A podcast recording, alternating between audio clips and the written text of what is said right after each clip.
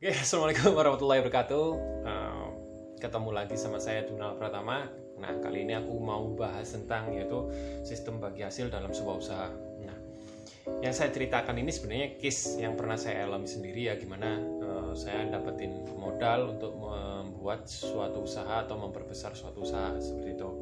Nah, ini langkah penting awal sih sebelum uh, menerima dari segi pemodal tanyakan goalsnya pemodal ini apa seperti itu kan karena bingung juga kalau dia pengennya kayak gini teman-teman uh, sebenarnya punya niatan yang berbeda dengan pemodal gitu. Jadi jangan bilang ya yes, nggak apa-apa lah aku mau duit ya nah itu itu bahaya banget kataku. Jadi sebaik, sebaiknya nyamain visi. Uh, nama nyamain tujuannya untuk apa nih? Uh, orang ini mau jadi pemodal mau invest ke teman-teman tanyain dulu. Nah, kalau emang ternyata visinya beda jangan diterusin. Itu akan bahaya banget.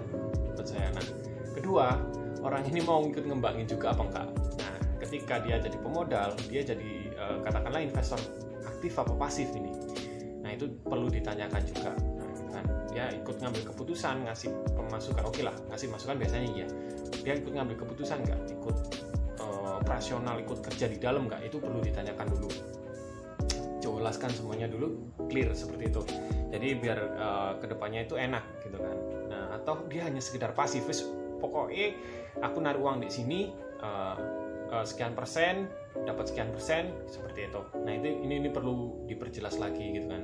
Biar kerja atau usahanya teman-teman ini enak gitu kan. Nah setelah tahu tujuannya uh, di sini aku akan jelasin pak sistemnya ini. Nah ini dari case ya. Jadi ada case di mana saya waktu itu pengen buat sebuah usaha lah katakan uh, kembangannya usahanya mie gitu kan. Nah dari usaha mie itu saya membutuhkan modal uh, sekian persen lah sekian ratus gitu kan. Gimana untuk uh, bagi hasilnya dari case saya yang uh, lakuin itu seperti ini. Jadi dari modal yang kita dapat itu akhirnya saya investasikan untuk dari skala pro, skala produksi maupun marketing dan lain sebagainya hiring karyawan dan lain sebagainya. Nah di perjanjiannya itu biasanya gini.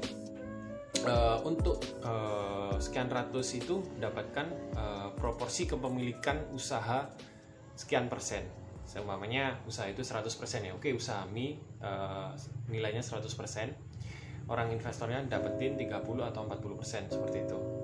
Ataupun kadang-kadang cuma 20% seperti itu terus gimana uh, meyakinkan orangnya kalau uh, dia hanya dapetin 20% kok dikit banget dari nilai yang dia investasikan? Nah case kedua uh, cara kedua adalah saya menggunakan seperti ini.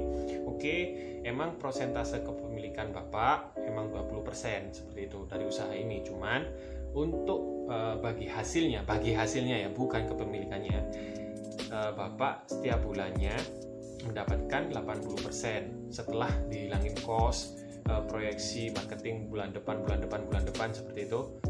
Bapak mendapatkan profit bersihnya 80% seperti itu. Udah udah profit ditahan profit bersihnya Bapak mendapatkan 80% nah sampai nilai nilai uh, yang Bapak masukkan modal yang Bapak masukkan itu selesai seperti itu.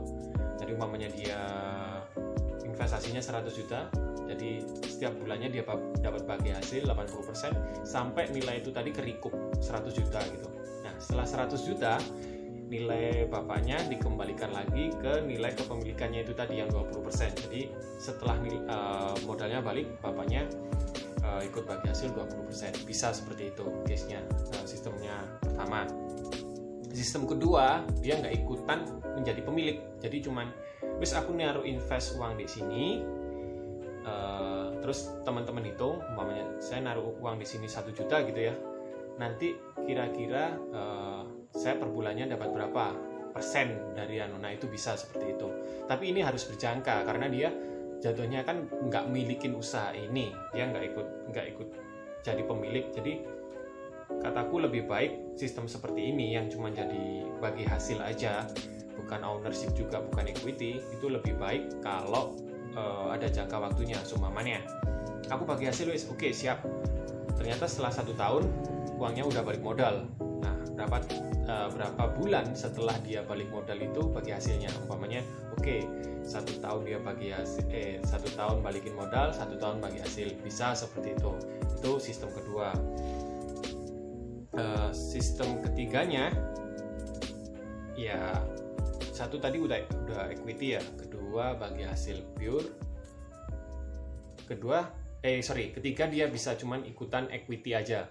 Jadi ya pure bener-bener factor gitu kan. Dan uh, jadi di sini kalau aku nyaranin sih kalau teman-teman nyari investor yang kataku emang mau hanya bukan mau uangnya bukan mau usahanya tapi dia benar-benar mau ngikut gedein. Apalagi uh, dari investornya teman-teman itu bisa ngasih channel baru lagi untuk ngedevelop uh, membesarkan usaha itu baik itu dari segi marketingnya atau potensi pasar baru yang bisa dimasukin teman-teman kayak gitu.